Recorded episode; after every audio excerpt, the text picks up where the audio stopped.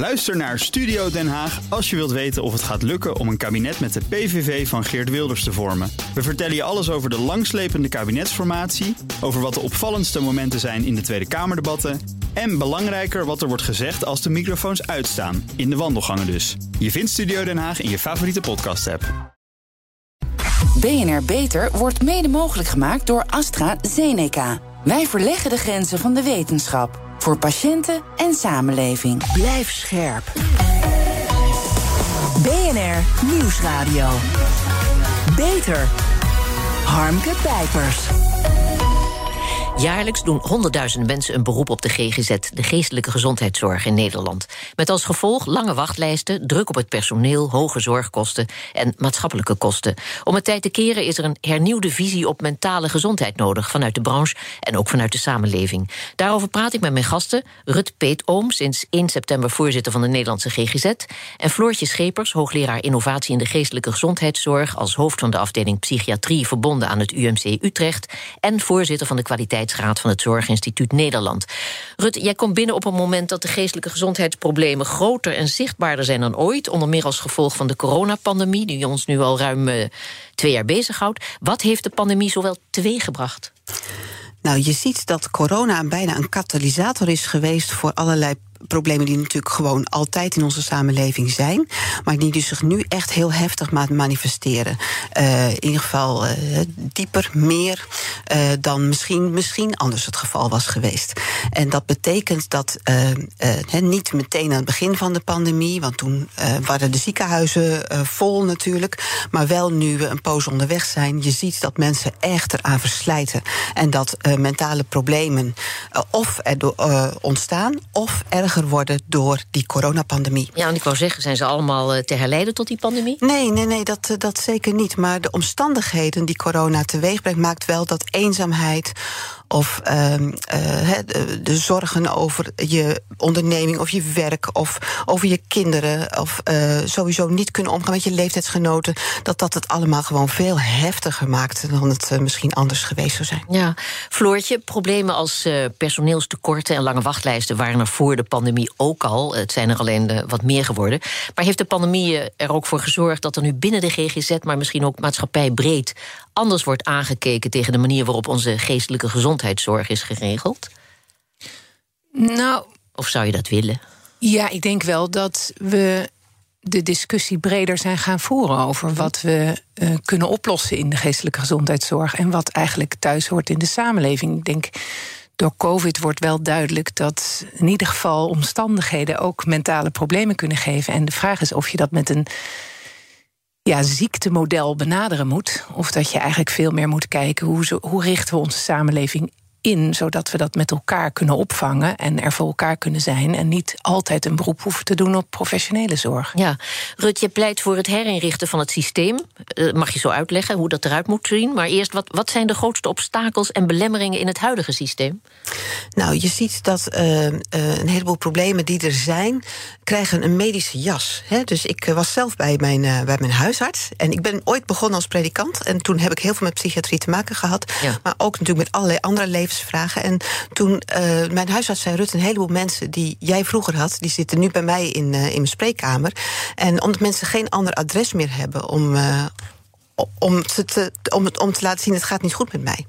En uh, begrijp me goed hoor, dit gaat niet om dat ik vind dat uh, uh, psychische problemen, of psychiat, laat staan psychia, psychi psychiatrische ziekten, dat die niet ernstig zouden zijn. Want dat zijn het, die zijn het zeker. Maar iedereen heeft recht op de goede aanpak. En soms is die medische aanpak niet de goede aanpak. Moet je kijken naar, naar andere factoren. Ja. Maar, maar wat, niet de goede aanpak zeg je, maar wat, wat zijn de echte belemmeringen in het huidige systeem volgens jou? Nou, je ziet uh, dat er heel veel uh, regels zijn en schotten. En dat betekent als je eenmaal in een bepaalde wachtlijst bijvoorbeeld staat... en je bent eindelijk aan de beurt en blijkt dat het niet de goede wachtlijst uh, is... moet je weer van vooraf aan beginnen.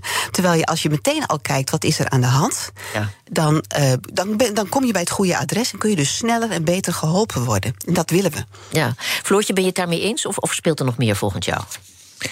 Nou, dat is zeker een van de factoren, die schotten. En dat is denk ik niet goed. Maar ook ons mensbeeld draagt denk ik bij. En uh, als we ervan uitgaan dat mensen vooral uh, aangejaagd moeten worden om te presteren. En dat uh, als dat niet lukt, het maakbaar is. Hè, om dat dan vervolgens toch te laten lukken. Als we met zo'n mensbeeld ja, de zorg willen organiseren, dan krijg je heel veel vraag naar zorg.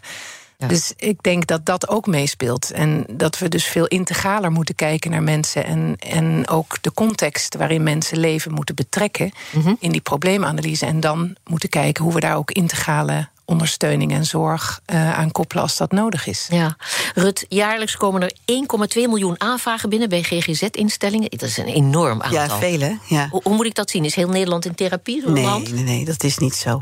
Maar het is wel zo dat, uh, wat ik net ook al zei, als je, als je problemen hebt, dan wil je heel graag praten over wat de goede aanpak zou zijn om, mm -hmm. die, om die problemen, voor die problemen. Nou, en dat uh, betekent ook dat sommige, sommige aanvragen helemaal niet horen bij, uh, bij de GGZ. Maar dat het gaat om je schulden aan te pakken. Of dat je een dak boven je hoofd nodig hebt. Of dat uh, uh, je je zorgen maakt over je baan. Of niet goed kan functioneren op je baan. Omdat, omdat er te weinig aandacht is voor jouw omstandigheden. Nou, dat betekent dat we hele andere partners, partners ook nodig hebben. Hè? Behalve dat de, de, de GGZ-zorg echt goed georganiseerd en van kwalitatief hoog niveau moet zijn. Daar werken we heel hard aan. Maar dat tegelijkertijd ook de schotten tussen die verschillende sectoren, hè, de woningbouwverenigingen, de schuldhulpverleningen en wat ik net allemaal noemde, hè, die, dat, dat die schotten moeten weg. Ja. Floortje, hoe, hoe wordt er bepaald wie er snel geholpen moet worden en, en wie er kan wachten?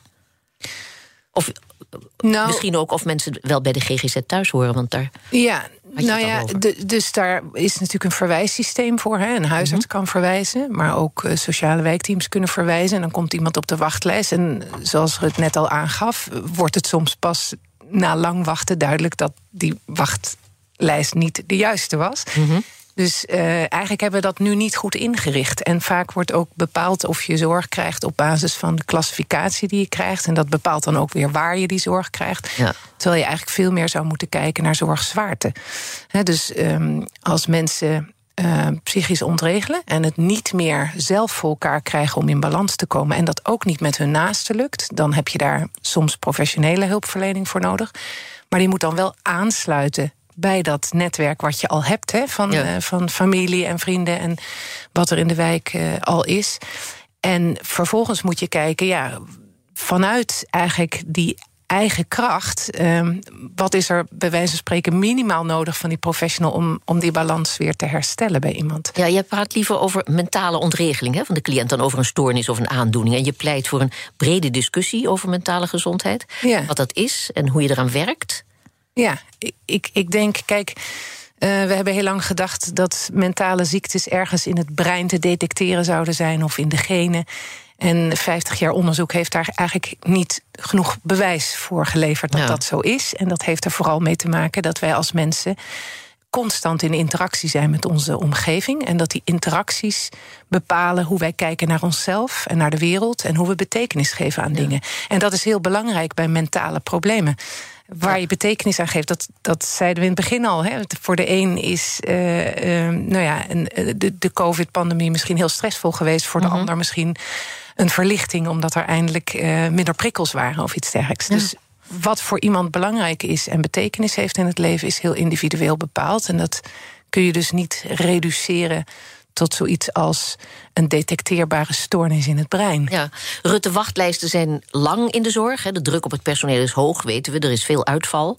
Hebben de GGZ-werknemers uh, ja, nog wel energie en creativiteit om uh, deze gesprekken te voeren? Ja, ja dat, dat vind ik het mooie. Ik ben natuurlijk nieuw in de sector. Hè. Ik ben ja. 1 september pas begonnen. En nog vol optimisme. Ja, dat. En ik ben ook. Uh, ik zit niet zo in elkaar uh, dat ik dat snel kwijtraak. Mm -hmm. uh, want het is een hele mooie sector waar je mensen echt ook kunt helpen en nieuwe perspectieven kunt bieden. En, en anders goede zorg en ja. of, of begeleiding. En dat, nou ja, over betekenisvol werk gesproken, hè, dat, dat is mooi. Maar mensen verslijten er wel aan omdat het met weinig mensen moet gebeuren. Ja. En uh, inderdaad, die, uh, al, die, al die regels, daar worden soms helemaal gek van. ik geloof dat er zeven wetten zijn waar, de, waar GGZ rekening mee moet houden. Een heleboel regio-indelingen en heel verschillende financieringssystemen. Dat is echt indrukwekkend, wil ik wel zeggen. Maar dat is voor professionals ook e-, echt niet leuk dat ze daar zoveel tijd mee kwijt zijn. Maar ik merk ook perspectief voor mensen die werken in de zorg. dat je je kunt ontwikkelen. Dat het leuk is om met collega's samen te werken. Uh, dat, uh, die, uitdaging. En uh, waardering in de brede zin. Dat geldt zowel goede betaling, maar ook dat je inderdaad op je professionaliteit gewaardeerd wordt. Ja, dat is ontzettend belangrijk om mensen vast te houden in de zorg. Floortje, het meetbaar willen maken van alles is de oorzaak van een gepolariseerd kader in de psychiatrie. Jij bent of van de samenleving of van het ziekenhuis, het medisch model. Maar zo zwart-wit moet, die volgens jou, moet volgens jou die scheiding niet zijn. Hè? Nee, zeker niet. En dat is ook wat ik net zei. Interacties maken onze psyche, hè, vormen onze psyche. Ja. Dus we hebben die interacties ook nodig om, om het te begrijpen wat er aan de hand is. En eh, om samen te zoeken naar de best passende oplossing. En dat is niet altijd meetbaar. Dus uh, als wij, uh, nou ja, nogmaals, als we dezelfde objectieve informatie Mhm. Eh, krijgen als mensen, dan verwerken we die informatie allemaal op onze eigen unieke manier. Omdat we betekenis geven aan die informatie. En dat kun je niet zien op een scan en dat kun je niet meten in degene. Dat is hoe wij uh, nou ja, leren dat, uh, te kijken naar onszelf en de wereld. Ja, zoals we het nu doen, hè? zoals we met kwetsbaren in de samenleving omgaan, is niet goed genoeg, zeg jij. Het moet beter kunnen. Hoe, hoe ziet dat beter eruit? Integraler. Dus dat we um, veel meer kijken naar wat, wat waarde toevoegt uh, aan levens van mensen en hoe mensen in hun context um, nou ja, kunnen ontregelen, maar ook kunnen herstellen. En dat, dat kun je dus niet als sector alleen. Daar heb je ook andere sectoren voor nodig. Ja. Rut, niet alle psychische klachten zijn in een label of uh, protocol te vatten. Maar die klassificaties, hè, zoals in het Diagnostisch en Statistisch Handboek van Mentale Stoornissen, die zijn toch juist hou vast voor elke behandelaar in de, zorg, in de gezondheidszorg. Of zou de zorg heel goed zonder dat boek kunnen? nou, dat is eigenlijk een vraag die Floortje nog beter zou kunnen beantwoorden. Het is haar vak namelijk. Hè, mhm. wij, en, uh, maar ik vind uh, in ieder geval dat de aandacht voor de mentale gezondheid in de brede zin zou er veel meer moeten zijn. En dat ook als mensen uh, niet, uh, geen klachten hebben of niet ziek zijn. Want dan juist als die aandacht er is op het werk, in, je, in je gewone leven, ook de samenhang tussen wat je lichamelijk en geestelijk doet, dat is ontzettend belangrijk voor het functioneren van mensen zelf en voor de samenleving. Ja, nog even over die klassificaties. Floortje, zou mhm. het geaccepteerd worden als we die klassificaties los laten, laten vallen? Want die klassificaties die zijn toch ook nodig voor bijvoorbeeld de zorgverzekeraar, die aan de hand van die klassificaties de vergoedingen bepaalt. Dat is sinds 1 januari niet meer helemaal zo. Want we hebben het zorgprestatiemodel en daar is die klassificatie niet meer leidend. Maar gaat het dus om zorgzwaartetypering, wat een verbetering is? Ik denk dat het een lastige vraag is, omdat we heel erg gehecht zijn geraakt aan de klassificaties en onze organisaties zo ingericht hebben, onze zorgprogramma's, onze richtlijnen, protocollen. Uh, maar ik denk ook dat iedereen zich diep in zijn hart wel beseft dat het um, een toch te reductionistische manier is om te kijken naar mensen. En dat we mhm. in de praktijk te vaak tegenkomen dat we met zo'n eenzijdige benadering de problemen niet kunnen oplossen. Dus, en ik weet dat het kan, want vroeger toen ik eh, artsassistent was, hadden we het nog niet zo dominant in onze systemen ingericht met de klassificatie. Dus toen kon het ook. Er waren meer mogelijkheden. Absoluut. Beschrijvende diagnose was dominant in die tijd. Terug naar vroeger. Harmke Pijpers. Er is een debat nodig over wat er wel en wat er niet onder geestelijke gezondheidszorg valt. om de zorg voor de meest kwetsbaren overeind te houden, zegt de GGZ-branche. Daarover praat ik met Rut Peetoom, sinds 1 september voorzitter van de Nederlandse GGZ. en met Floortje Schepers, hoogleraar innovatie in de geestelijke gezondheidszorg. Ja, Floortje, niet alleen degene die mentaal ontregeld is, moet probleemeigenaar, zeg jij. maar de hele samenleving, dus het team van deskundigen, de buurt, verzekeraars, gemeenten, noem maar op. Uh, het sociaal domein. Hoe creëer je daar draagvlak voor? Vraag ik mij af. Want ja, om, om maar iets te zeggen, mensen willen geen uh, buurman die voor overlast zorgt. Nee, dat is zo. En dat is ook lastig. Um, maar ik denk wel dat het dus begint met een maatschappelijke discussie over wat wij verstaan onder psychische problematiek hè, en mhm. hoe die ontstaat. En als je daar gezamenlijk uh, beeld van krijgt en daar ook een gezamenlijke verantwoordelijkheid in voelt om als samenleving um, daarmee om te kunnen gaan, dan denk ik dat je op andere oplossingen komt dan alles als het ware te medicaliseren en door de professionals op te laten lossen. En dat begint al heel vroeg, denk ik, op lage scholen, middelbare scholen, om uh, kinderen, jongeren te leren hoe vraag je hulp aan elkaar? Hoe ga je om met diversiteit? Eh, hoe creëer je een inclusieve samenleving waarin iedereen kan meedoen? Ja. Uh, Rut, ben jij het eens met Floortje? Zou het een, uh, een, een, gedeelde verantwoordelijkheid moeten zijn? Ja, absoluut. Anders dan dan valt alles plat, zou ik zeggen. Maar eh, sowieso dat mensen verschillend zijn onderling. Mm mentaal ook divers. Dat is uh, ontzettend belangrijk. Want, en dat geeft natuurlijk ook, ook, ook ruimte aan mensen. He, je bent voldoet niet aan de standaard, nog even afgezien van wie die standaard bepaalt. Maar je bent gewoon een leuk mens. Met, met, ook met gebreken, ook met fouten. En je mag er zijn. Ja. Rut, op 1 januari is het uh, zorgprestatiemodel ingevoerd. Hè, bedoeld om de administratieve lasten een stuk te verlichten... en om instellingen beter zicht te geven op bekostiging van de zorg. Maar ik begrijp dat er nog wat hobbels op de weg zijn bij de invoering. Welke? Nou, het is heel erg belangrijk dat uh, instellingen ook hun zorg kunnen blijven geven. En dat vraagt dat er uh, liquiditeit moet zijn. En we hebben een hele nieuwe manier van declareren... van, van ook de, de, de zorgzwaarte-typering, wat, in de, wat Floortje inderdaad zegt. Mhm. En dat, daar, daar moeten we nog aan wennen. En soms zijn uh, de contracten ook nog niet uh, uh, helemaal afgerond. Betekent wel dat ja, er moet gewoon geld beschikbaar blijven bij de instelling om mensen te kunnen behandelen. En dat is een van de hobbels waar nu zorgverzekeraars en, en wij als Nederlandse GGZ ook, ook onderling echt ons hoofd niet alleen over breken, maar oplossingen bedenken. Ja, het, Floortje, het woord zorgprestatie hè, implementeert dat het gaat om resultaten, terwijl jij juist aangeeft dat het ook gaat om het proces, de weg naar het resultaat. Gaat het zorgprestatiemodel daarbij helpen? Ja, die term is inderdaad niet erg handig. Wacht je eh, dat nog even af? Ja, nou ja, goed. Als het gaat om het. Als de prestatie is het realiseren of het behalen van persoonlijke doelen. en mm waarde toevoegen aan mensenlevens. dan is dat misschien niet erg. Maar het is inderdaad het, vooral het proces wat belangrijk is. Ja. En Rut, nu, nu we het toch over de overheid ook hebben... Wat, wat vind je van het nieuwe regeerakkoord en de nieuwe coalitie? Schept, het, schept dat vertrouwen? Nou ja, het is bijzonder dat daarin mentale gezondheid ook expliciet genoemd wordt. Mhm. En uh, het belang daarvan, dat er ook uh, in alles bij wat preventie is... een speciale aanpak komt, dat noemen ze dan een tafel. We maken ons wel zorgen over de, de, de, korting op de jeugdzorg... die is aan, aangegeven. En ja, terwijl er een uitspraak was van een commissie van wijzen. Die zei: de komende tijd gaan we het zo doen. Ja, en uh, ja, nu wordt dat eigenlijk onderuit. Maar er wordt nu in de Kamer over gepraat. Dus we zijn echt. Uh, wij vinden sowieso. De eh, GGZ is nu ondergebracht bij uh, de minister voor, minister voor langdurige zorg. Terwijl dat natuurlijk niet altijd aan de hand is. Hè. Soms is uh, nodigt een, een, korte en een goede aanpak en dan ben je klaar. Ja. Um, wat, en, en we noemden net het belang van al die verschillende sectoren die moeten worden aangesproken. Dus ook het ministerie van, uh, van Wonen, ook het uh, ministerie, ministerie van Sociale Zaken, ook Binnenlandse Zaken, omdat het over gemeentegeld gaat.